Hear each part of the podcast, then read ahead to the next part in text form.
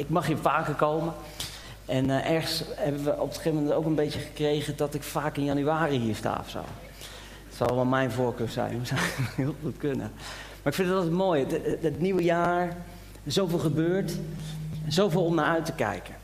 En ik weet nog goed dat ik thuis op mijn bedje zat, aan het nadenken was over het nieuwe jaar. En dan gaat je hoofd alweer zo snel met alles wat je heel graag wil zien. Dingen die je denkt van ja, dat wil ik dan wel dit jaar doen, want dat heb ik het vorig jaar niet gedaan. En grote plannen, dromen, ideeën. Maar toen dacht ik ineens, ja, al die mooie grote plannen, dromen en ideeën zouden er nooit zijn zonder 2022. Het is altijd weer een steentje op een steentje op een steentje op een steentje. Onderschat nooit het seizoen waar je in zit. Als je erin zit, al zou je er het liefst uit willen vandaag. Je mag God vertrouwen dat het een reden heeft. Je mag vertrouwen dat het ergens toe leidt en dat hij bij je bouwt en dat hij dingen opbouwt en dat dingen prachtig mooi worden, sterk en toenemen. Zo, van mijn hart, ik wens je een prachtig 2023. Uh, en ik wens je ook toe dat als het een beetje spannend wordt, dat het je sterker maken mag. En dat je in dat seizoen meer en meer op Jezus lijken mag. Wie heeft er een beetje zin in vanavond? Dat is mooi, dat heb ik ook. Um, voordat ik uh, mijn preek induik, we hebben zo'n mooi marktkraampje daar. Daar liggen wat van mijn boeken. Ook een heel mooi boek van mijn vrouw. Dus als je het tof vindt wat ik te vertellen heb, je houdt van lezen, kom even langs. Kom ook onze lieve mensen even groeten daar. Uh, en ik heb hier mijn dagboek Sterker. Wie van jullie heeft die al? Ja, kijk al heel wat. Um, inmiddels 10.000 exemplaren. En dat heeft een reden. Het is gewoon een steengoed boek. Dus zorg dat je niet naar huis gaat zonder dat boek. Menno, zou jij hem alsjeblieft aan iemand willen geven? Dit is Menno, mijn Leontien van vanavond. Voor degenen die dat nog kennen. Ja, je mag wel even... Ja, kijk, een applausje voor Leontien. Hij, dit is wel een profetische. Hij geeft het dan meestal aan degene aan wie het moet zijn. Ik heb uh, een prachtig mooi thema gehad. Uh, jullie algemene thema's, Hungry for? More. En vanavond mag je spreken over taste and see. Kom, proef en smaak en zie, beleef uh, dat, goed, dat God goed is. En um, heel bekende woorden komen ook uit een prachtig mooi psalm. En dan ga ik zometeen met jullie induiken. En het leuke is als je een beetje om die psalm heen gaat lezen, dat je details ziet die ook wel weer heel belangrijk zijn. En dan nog een veel diepere boodschap met zich meebrengen. Maar voordat ik het woord open, heb ik een vraag. Wie van jullie maakt zich soms wel eens een beetje zorgen over waar het naartoe gaat in onze lieve wereld? Nou ja, en, ik denk het merendeel van ons dat, dat ons wel eens bezighoudt. Er zijn ook mensen die denken echt nou, erger dan dit kan het niet. Het einde is gekomen. Ik denk wel eens dat iedereen dat dacht in zijn generatie. Gebeurde er weer wat? Denk ik, nou, dit, dit, dit, dit. Nou, wij denken dat omdat we het nog niet eerder hebben meegemaakt. Dan is alles wat komt is natuurlijk het allerergste. Um, dus dat is best wel een beetje een spannend spel. Maar ik geloof wel, persoonlijk, dat er iemand is die alles in de hand heeft. Wat een potje het ook lijkt. He's got the whole world in his hand. He's got the whole wide world in his hand. He's got, ik weet niet meer, sorry. In his hand. He's got... En zondagschool kunnen ze er vast nog mooie gebaren bij doen. Maar het is waar. En ik zal je eerlijk zeggen, ik heb in de afgelopen maanden van mijn leven best wel wat dingen meegemaakt die heftig zijn geweest, moeilijk waren, zwaar waren. Ook gewoon fysiek dingen in mijn lijf tegen grenzen aangelopen. Noem, noem het allemaal maar op. En op een gegeven ogenblik heb ik bij mezelf gedacht: Heer, kan ik nou ja zeggen tegen elke dag? Tegen elke dag die komt. En alles wat er op die dag komt. Of ga ik in een soort supergeloofsmodus proberen al mijn omstandigheden te bevechten en te veranderen. Om maar ja, niet te veel pijn te lijden of zo. Maar, maar, maar wat als ik nou echt geloof dat God alles in zijn hand heeft? Wat als ik echt geloof dat Hij het goede met me voor heeft en dat Hij al de dingen doet, medewerkt ten goede, omdat ik Hem lief heb? Als ik dat echt geloof, dan kan ik toch ja zeggen tegen alles wat op mijn pad komt. Dan kan ik ja zeggen als mensen van me houden en dan kan ik ja zeggen als mensen me haten. Dan kan ik ja zeggen als mensen me verlaten. En dan kan ik ja zeggen als mensen naar me toe komen. Dan kan ik ja zeggen als ik kip en sterk gezond ben. En dan kan ik ook ja zeggen als het even niet zo mee zit in mijn lijf. Ik kan ja zeggen, want ik weet, Hij draagt mij er doorheen. En dat ja zeggen is best wel, ja, dat is groter dan je denkt misschien. Ja zeggen tegen alles wat in je leven komt en voorbij komt. En als ik zo een beetje naar deze wereld kijk, dan hou ik echt van de wereld om me heen. Ik, ik ben steeds meer aan het houden van alle mensen. Ik ben steeds meer aan het snappen waarom iedereen doet wat hij doet. Alle mensen zijn naar Gods gelijkenis gemaakt. Met dezelfde behoeftes, dezelfde noden, dezelfde gevoelens. We, lijken niet zo heel erg. Ja, we, zijn allemaal best wel, best wel een beetje hetzelfde. Of we nou christen zijn, of moslim zijn, of boeddhist zijn, of we zijn, zijn, zijn, zijn nou ja, we geloven nergens in. We zijn allemaal mens. En Jezus is gekomen voor al die mensen. Allemaal. De Bijbel zegt dat heel duidelijk. Hij kwam voor de zonde van de wereld. Niet alleen voor de zonde van de mensen in de Stadskerk in Groningen. Gelukkig ook voor die. Want hier hebben jullie heel wat te vergeven. Nee, grapje. Hij moet me een beetje prikkelen. Iemand bad vanavond dat het een beetje schurend mocht zijn. Dus ik denk, nou ja, dan gaan we dat een beetje doen. Weet je, als Jezus kwam voor de hele wereld, dan ben ik persoonlijk echt van overtuigd, dan moet de hele wereld het weten. En ik hou van deze samenkomsten. Echt waar. Ik, vanavond ga ik met energie de auto in. Weer terug naar Zeewolde. Voor het weten ben ik er thuis. Want dan heb ik gewoon genoten. En een heerlijke avond gehad. Maar er zijn ook momenten dat ik thuis ben. Dat ik nadenk. En dat ik denk. Hoeveel bereiken we nu echt met elkaar. In onze heerlijke christelijke bubbel. Waar we naar de wereld kijken. Er wat van vinden. Maar waarom zitten wij niet aan de tafels van de talkshows? Waarom praten we niet mee over de problematiek in de wereld? Waarom hebben we niet zo heel veel te zeggen als het daarop aankomt? Waarom weten ze ons niet te vinden? Mijn gebed 2023 is dat het verandert. En ik weet niet of je het door hebt gehad, maar in de afgelopen maanden, jaren, zijn er heel wat van onze, ja, toch wel oudere generatie geloofshelden in Nederland, één voor één, tot heerlijkheid verheven, zullen we maar even zeggen. Die zijn naar de Heer. En een van de geloofshelden die afgelopen jaar naar God ging was uh, broeder Anne van der Bel. Oprichter van Open Doors.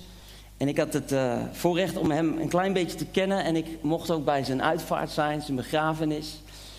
En ik herinner me nog een gesprekje dat ik had met Anne jaren geleden. Ik was toen bij hem thuis. Grote tafel.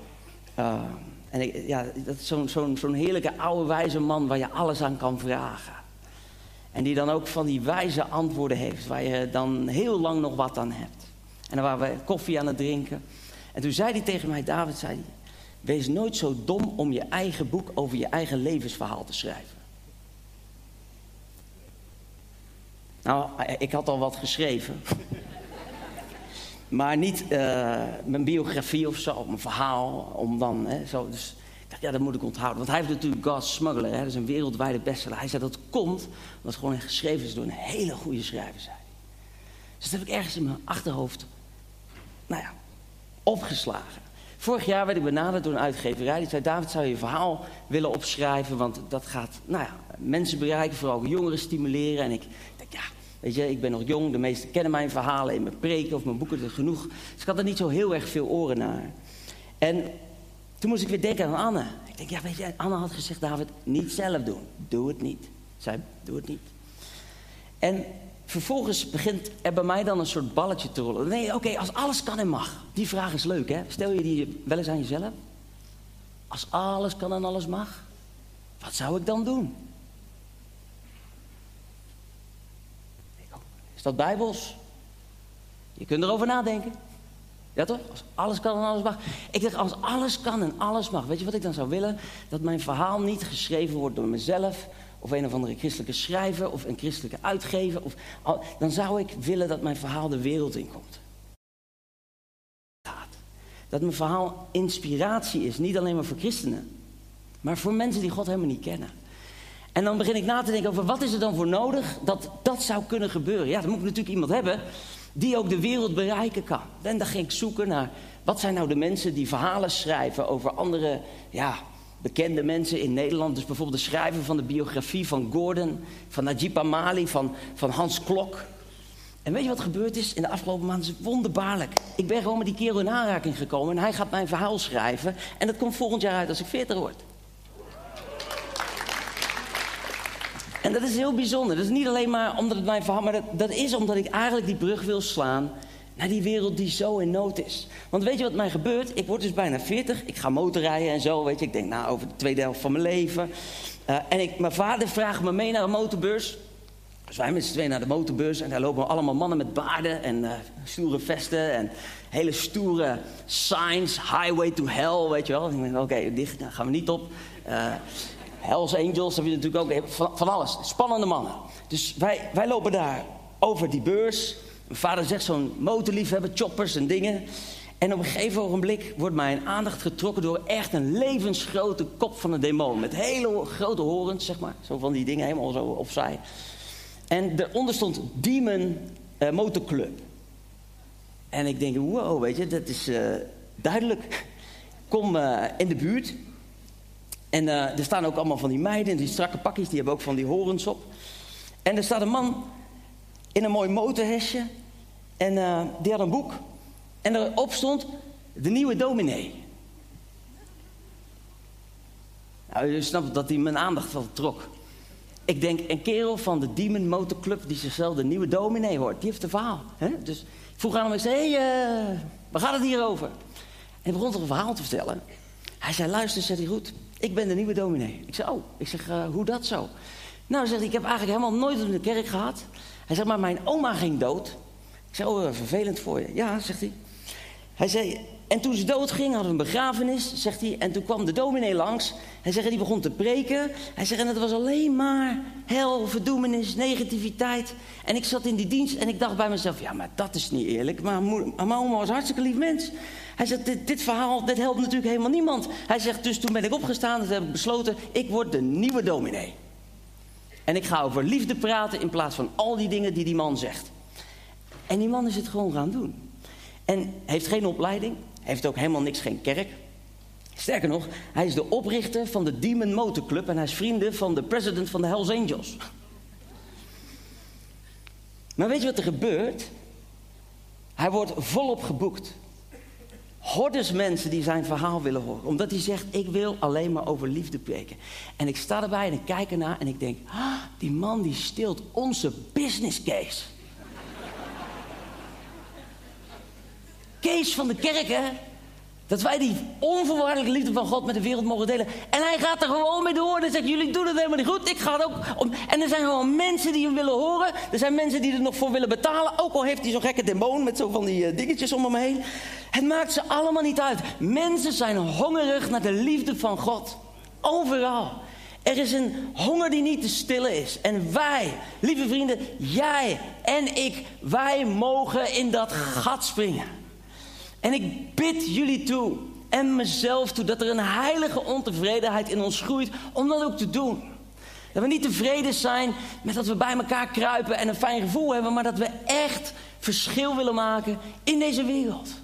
Dat we echt verschil willen maken in ons eigen leven. En dat mogen delen met de mensen om ons heen. Dat is waar ik zo ontzettend naar verlang. Nou, deze president van de motorclub, nadat hij zijn hele verhaal had verteld, vroeg hij aan mij: En wat doe jij dan? Ja. Nou ja, ik zei, ik ben ook een soort dominee. Alleen een beetje anders. Ik ga de Bijbel openen. Psalm 34. Hier staat van David, toen hij zich aan het hof van Abimelech als een krankzinnige voordeed en pas wegging toen deze hem verjoeg. De Heer wil ik prijzen, elk uur van de dag. Mijn mond is altijd vol van zijn lof. Laat mijn leven een loflied zijn voor de Heer. De nederigen zullen het met vreugde horen. Roem met mij de grootheid van de Heer. Sluit u aan om zijn naam te verheffen. Ik zocht de Heer en hij gaf antwoord. Hij heeft mij van alle angst bevrijd. Wie naar hem opzien, stralen van vreugde. Schaamte zal hun gezicht niet kleuren. En in mijn verdrukking riep ik tot de Heer. Hij heeft geluisterd en mij uit de nood gered. De engel van de Heer die waakt over wie hem vrezen en bevrijdt hen. Proef en geniet de goedheid van de Heer. Gelukkig de mens die bij hem schuilt. Vromen hebben ontzag voor de Heer. Wie hem vreest, leidt geen gebrek. Jonge leeuwen lopen hongerig rond. Wie de Heer zoekt, ontbreekt het aan niets. Kom kinderen, luister naar mij. Ik leer je ontzag voor de Heer te hebben. Hebben jullie het leven lief? Wil je goede jaren genieten? Behoed dan je tong voor het kwaad. Je lippen voor woorden van bedrog. Mijd het kwade. Doe wat goed is. Streef naar vrede. Jaag die na. Het oog van de Heer die rust op de rechtvaardigen. Zijn oor die luistert naar hun hulpgeroep. Nog ziet de Heer wie kwaad doen aan hij, wie, wie kwaad doen aan. Hij wist hun namen op aarde uit. En de Heer die hoort de kreten van de rechtvaardigen. Hij bevrijdt hen uit de nood. Gebroken mensen is de Heer nabij. Hij redt wie zwaar wordt getroffen. En al blijft de rechtvaardige niets bespaard, de Heer zal hem steeds weer bevrijden. Hij waakt zelfs over zijn beenderen. Niet één ervan wordt verbrijzeld. Een slecht mens komt om door zijn eigen kwaad. Maar wie, een rechtvaardige haat zal boeten, de Heer redt het leven van zijn dienaren. Nooit zal boeten wie schuilt bij hem. Ik vind het een prachtige psalm. En dat is ook de reden dat ik hem helemaal aan je voorlees. Als je een beetje bent afgehaakt, kan ik me daar ook iets bij voorstellen. Maar ik kan me ook voorstellen dat er een paar teksten zijn geweest die er dan even uitspringen. Die je overvallen. Of die je extra mooi vindt. Of die in dit seizoen van je leven meer voor jou betekenen als voor mij of iemand anders. Dat is het woord van God, dat leeft. En als je het leest, dan kan het tot je komen. En proef en zie dat God goed is. Dat zijn heerlijke woorden. Wat ik ook zo mooi vind, is dat er staat dat God is dichtbij hen die gebroken zijn van hart. Dat zijn van die teksten die hebben voor mij heel veel betekend. We kunnen soms denken dat als we gebroken zijn of ons gebroken voelen of ons schuldig voelen, zoals er net ook in de gebedsverzoeken klonk, of dat als we schaamte voelen dat God dan heel ver weg is, maar de Bijbel zegt eigenlijk juist voor die doelgroep, dan ben ik heel dichtbij. En dan denk ik ook aan Jezus die omging met, hoe zullen we dat zeggen, ja, misschien wel de president van de motorclub, van de Demon Motorclub. Weet je wat zo leuk was? Iemand had hem geboekt en die dacht dat hij een echte dominee had geboekt. En toen kwam die op zo'n Harley. Met alle gevolgen van dien. Sta jij erom bekend dat je met mensen omgaat die de kerk soms maar wat vreemde snuiters vindt? Jezus deed dat. Hij at met mensen waarvan sommige mensen dachten, maar dat kan je niet maken, hoe kan je dat nou doen? Want eten, zeker in de context van de Bijbelse cultuur, was dat je echt relatie had met mensen. Ze kenden, van hart tot hart. Ik wil mijn vriendengroep uitbreiden naar meer en meer van deze mensen. Ik wil ze kunnen liefhebben. En ik wil ze zeker niet veroordelen, omdat ik snap dat ze precies dezelfde behoefte hebben als ik. Alleen het op een andere manier proberen te vervullen. Er is zoveel te leren voor ons op al die vlakken. En als ik dan kijk naar deze mooie opzomming van al de beloften in de psalmen, dan denk ik, joh, dit is zo gaaf en zo mooi. Dit is voor nu en dit is wat ik iedereen gun. Zulke mooie woorden. Nou, er is één dingetje wat hier uit mijn aandacht greep. En dat is het eerste zinnetje. Dat staat van Psalm 34 van David toen hij zich aan het hof van Abimelech als een krankzinnige voordeed en pas wegjoeg toen deze hem verjoeg. Deze hele mooie psalm, waar hij dus heeft over God prijzen, over het gebrokene, over de outcast, over God die dichtbij is in de nood, heeft hij dus in een hele bizarre situatie geschreven. Dat is altijd leuk om dat te zien. Want soms kun je de woorden horen, en zeker in een avond als vandaag, dan denk je, oh heerlijk, oh mooi, God is bij me, oh gaaf. En dan kun je soms ook nog wel eens denken, ja, dat is, prijs de Heer, ja tuurlijk prijs de Heer, David had vast een mooie bui. Maar David was in dit seizoen op de vlucht voor zijn leven. Als je het hebt over fight and flight response, hij stond volop aan in de adrenaline en hij was eigenlijk in de overlevingsmodus. En zijn, al zijn vechtmechanismen stonden aan in dit seizoen van, van zijn leven. Dat hij deze dingen zegt. Dus deze woorden zijn ons niet licht gegeven. Sterker nog, ze komen uit een best wel een intense omgeving. En ik dacht, hoe leuk is het om je even mee te nemen naar die omgeving, zodat je iets snapt van waar David zich toen in bevond toen hij deze dingen zei.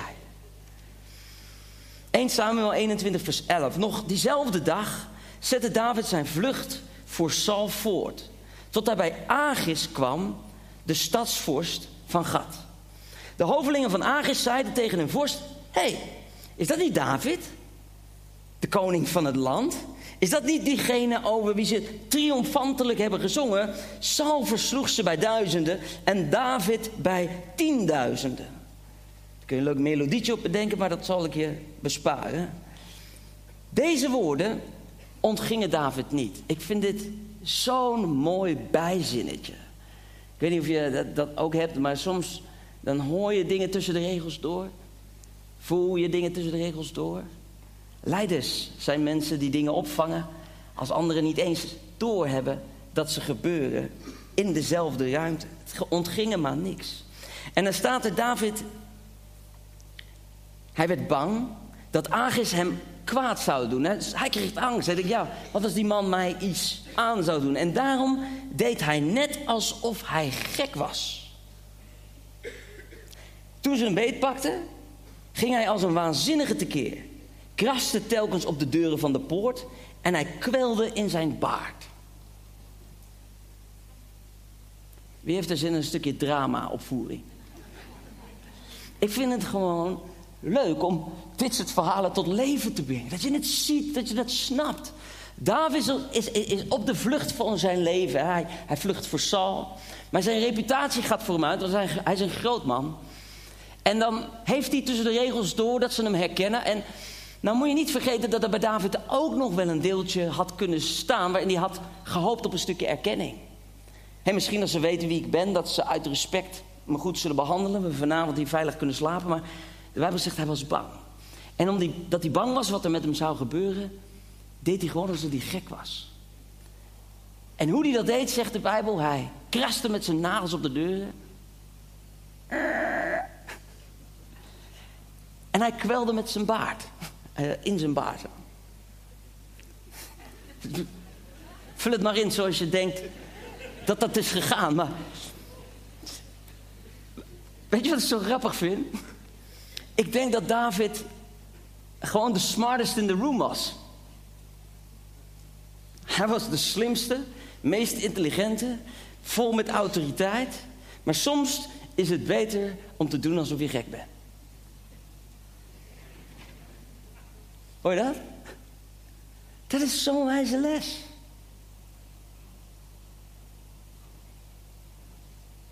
En natuurlijk kunnen we er nog veel meer achter zoeken. En we kunnen er nog veel meer uitvinden. Maar deze alleen al. Het was wijs voor hem om dwaas te doen. Omdat hij daarmee zijn leven redde. Dat was zijn tactiek op dat moment. En hij had alles om op te schitteren, zich op nou ja, te beroemen, te doen. Maar dat deed hij niet. Hij deed net alsof hij gek was. En toen ze een beet pakte, ging hij als een waanzinnige tekeer. Ja, ik denk dat ik nog heel voorzichtig ben met, met, met deze dingetjes. Ze zouden hem opsluiten. Hij kraste tekens op de deuren van de poort en hij kwelde in zijn baard. Zien jullie niet dat die man gek is, zei Agis tegen zijn dienaren. Waarom brengen jullie hem bij mij? Heb ik hier soms geen gekken genoeg? Dat jullie hem bij me brengen om tegen me tekeer te gaan. Mooi is dat, hè? Die man had niet eens eens door wie die echt voor zich had. Ik heb al honderd van die gasten. En nou brengen we er nog zo'n figuur. Nou, doe maar, ik moet een beetje denken aan Van Gaal. Zijn jullie nou allemaal zo slim? En ben ik zo dom of ben ik zo slim en zijn jullie zo dom? Wat zei hij nou?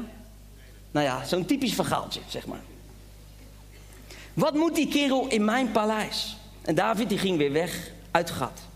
En die vond een veilig heenkomen in een grot in de buurt van Adullam. En toen zijn broers en overige familieleden dat hoorden, voegden ze zich daar bij hem. En dan staat er dit, en dit, dit is eigenlijk waar het mij om gaat vanavond. Ook allerlei mensen die in moeilijkheden zaten, schulden hadden of verbitterd waren, sloten zich bij hem aan. En David, die werd hun aanvoerder. Het was een groep van ongeveer 400 man. Ik vind het zo tof om te zien als je nu de link legt naar de psalm die hij schreef. De psalm die hij schreef ging over deze situatie. De psalm die hij schreef ging over de individuen van die 400 mensen die hem volgden. Die woorden gingen over het gebrokene wat hij om zich heen had. De mensen in schulden. De mensen zonder waarde. De mensen zonder toekomst. Daar had hij het over. Over die mensen. En dan zegt David: God is nabij de gebrokenen van hart. Hij verwerpt ze niet. Daar is hij. Dat is waar ik hem zie. En daar prijs ik hem voor. Daar loof ik hem voor. Daar dank ik hem voor. En deze vind ik ook bizar, hè? Mensen met schulden of mensen die verbitterd waren. Ik weet het niet hoe jij dat ervaart, maar als iemand echt bitter is, dan is het heel naar om bij dat soort mensen in de buurt te zijn. Ken je dat? Die zuigen de energie uit je, joh. Zo. Weet je wel zo. Dat je denkt van nou, van jou moet ik er één, twee hebben. Maar David had er veel meer. Tientallen. En weet je wat het mooie is? Er staat niet dat hij ze allemaal oplapte of vertelde dat ze het allemaal anders moeten doen. Soms laat het leven je verbitterd achter. En wie ben ik om jou te vertellen dat je niet bitter mag zijn? Wat is je gebeurd? Het is oneerlijk geweest. Iemand heeft iets van je geroofd of gedaan. Dat is jouw journey, waar je nu staat. En in die bitterheid wil ik je leren omarmen en zeggen: Oké, zoals het nu is. Ja, tegen vandaag. Maar we zijn onderweg naar morgen. En we zijn met elkaar. Het is een hele bende van ellende had hij. 400 mensen. Weet je wat zo leuk is? Een van de dingen die je leert als je uh, spreker bent is dat mensen het heerlijk vinden om je. Ja, hoe zou ik het zeggen? Nu zit hij nu allemaal zo te kijken van. Oh, hij heeft ons door. Maar mensen vinden het heerlijk om vooral de dingen te horen bij mij die niet zo goed gaan. Weet je waarom? Omdat dat voelt van, oh, hij heeft het ook. Nou ja, als hij het heeft. Ik kan je wat vertellen. Als ik een paar dingen ga vertellen waarvan ik denk, nou, daar zul je misschien in herkennen. Dan ga je misschien naar huis. voel je een stuk minder schuldig. Maar dan denk je, oh, maar David heeft dat ook. Ik zal je vertellen, ik ben gewoon mens. Net als jij. Ja, ja, ja, ja, ja. En ik mag vanavond hier staan, ik mag je iets vertellen, maar ik heb dezelfde emoties, ik heb dezelfde uitdagingen, ik heb dezelfde vervelende mensen om me heen, ik heb dezelfde teleurstellingen die ik moet verwerken. Ik heb misschien een andere voetbalclub, ik zal voor jullie bidden, volgende week komen ze langs in Groningen, maar dat is een ander verhaal. Ik ben als jij. En weet je, het mooie is, dat is het verhaal van het evangelie. Dat is precies wat Jezus kwam doen. Hij zei, ik kom en ik word als jou. Ik kom in je schoenen staan om te voelen wat je voelt, om mee te maken wat je meemaakt. Heb je last van schuldgevoel? Jezus kent het. Hij kent het. Weet je, wat iemand mij laatst zei, en ik, ik heb, dit kan ik helemaal niet goed onderbouwen, want ik ben er nog niet in gedoken, maar ik, ik, ik ga toch zeggen, toen Jezus stierf aan het kruis, lezen we alleen dat Maria daar staat. We lezen niets over zijn vader, Jozef. Waar was die? Was die overleden? Was die. Ik weet het niet. Ik denk dat er zoveel pijn is die jij en ik hebben beleefd, waarvan we denken: niemand is het die mij begrijpt. Maar ik denk dat God een heel mooi pakketje in het leven van Jezus heeft samengebracht en dat op zijn zoon heeft gelegd zodat er niemand is die kan zeggen, ja maar u snapt mij niet. Ik snap je wel. Ik ben mens. En het mooie van het evangelie is dat je wordt uitgenodigd. En dat is waar het vanavond om gaat. Kom, proef, taste en zie. Smaak en proef, kom.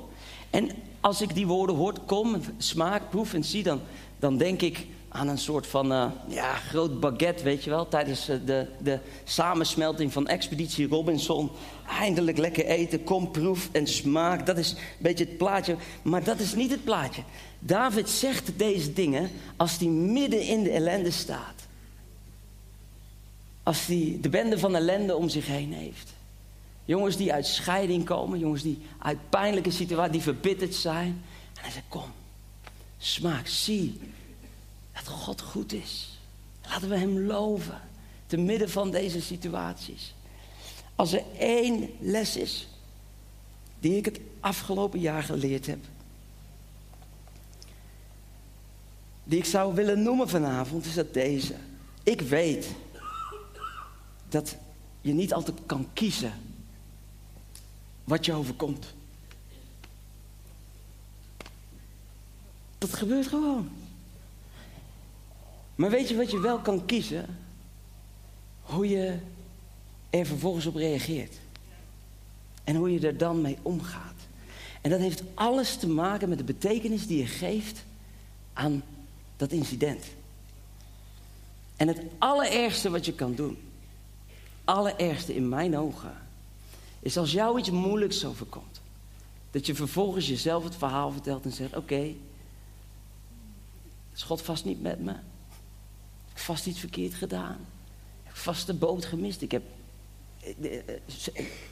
En je gaat jezelf de schuld geven van wat je is overkomen. We zijn allemaal even schuldig. Geen mens is perfect. De Bijbel zegt dat. Niemand verdient het.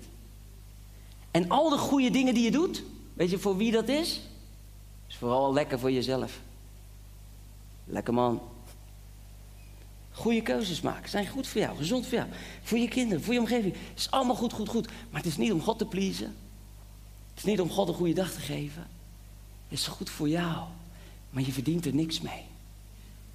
Dat moet uit ons systeem. Je hebt het recht niet op een goed leven omdat jij je goed gedraagt. Je mag dankjewel zeggen voor elke dag. En dat is wat ik doe. Ga, ga zitten en zeg dankjewel. Dank u voor al het mooiste dat is gebeurd. En als er iets moeilijks gebeurt en het is ellende, dan kijk ik ernaar en denk ik, nou, kan het niet veranderen? Maar het laatste wat ik ga doen is lijden, omdat ik tegen mezelf zeg, nou Daaf, je hebt vast dit en je hebt vast dat en je hebt vast dit. En dat is precies waar de vijand ons pakt. Het schuld en schaamte ons ketent en ons isoleert en zegt, jij bent anders dan de rest, jij bent dit, dit, dit, dit. En dan vind ik het mooie dat David zegt, in dit seizoen, kom maar, zegt hij. Proef en zie hoe goed God is. Ben je verbitterd? Ben je alleen? Ben je onderweg? Ben je op de vlucht? Zit je in, je fight-and-flight mechanisme? Heb geen idee waar je bent in het leven. Ben je... Hé, hey, Jezus zegt, kom maar. Proef en zie. En dan hebben we vanavond een bijzonder dubbel thema eigenlijk. Een mooi thema. En dat is dat we ook met elkaar gaan stilstaan. Bij die uitnodiging van Jezus. Die zei, kom, proeft Eet, dit is mijn lichaam. Drink, dit is mijn bloed dat voor jou vergoten is. En dat maakt dat je midden in jouw reis, en ik weet niet waar je zit. Misschien zit je wel helemaal op de piek van je, van je kunnen en is alles mooi en alles goed en alles schittert. Ook heerlijk. Dat je even stilstaat. En dat hij zegt, kom. En dat is misschien wel het allermooiste voor het komende jaar. Dat is dat je af en toe even pauze neemt van, van die drukke route van het leven. Dat je even pauze maakt en zegt, kom, nu, hier. Ja, hier nu. Ja, maar het gaat net zo lekker. Ja, maar we, gaan, we, nemen heel even pauze.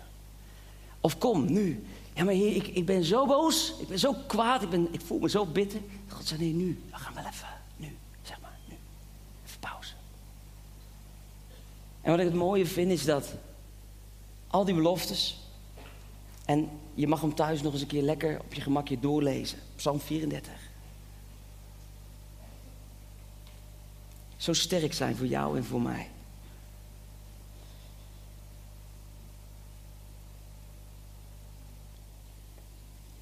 Ik wil een gebed bidden.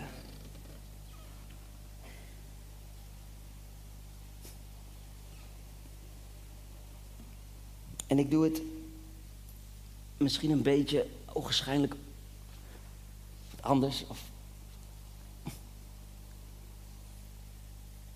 Maar ik wil het zo doen, omdat ik eigenlijk gewoon wil zeggen. Ik ben net als jullie allemaal. En we zitten in dezelfde bende. In de goede zin van het woord, hè. En we gaan achter Jezus aan. Hij is onze herder. En in die drukte en dynamiek van het leven en alles, zeggen we af en toe even. Kom, proef maar, zie maar. Het gaat om hem. Zullen we met elkaar onze ogen sluiten? Lieve Vader in de hemel, wat is het een bijzonder voorrecht dat wij uw kinderen mogen zijn. En dat wij ons dat beseffen. Ja, want er zijn zoveel mensen die niet doorhebben wat een bijzondere vader ze hebben. En het is ons verlangen en ons gebed dat die groep gaat groeien. En wat we vanavond ook weer hebben gezien in uw woord is dat die groep helemaal niet perfect hoeft te zijn. Maar dat die groep vooral bij elkaar komt. En u lofprijst en u groot maakt en u dankzegging geeft voor het leven. Voor wat u doet en heeft gedaan.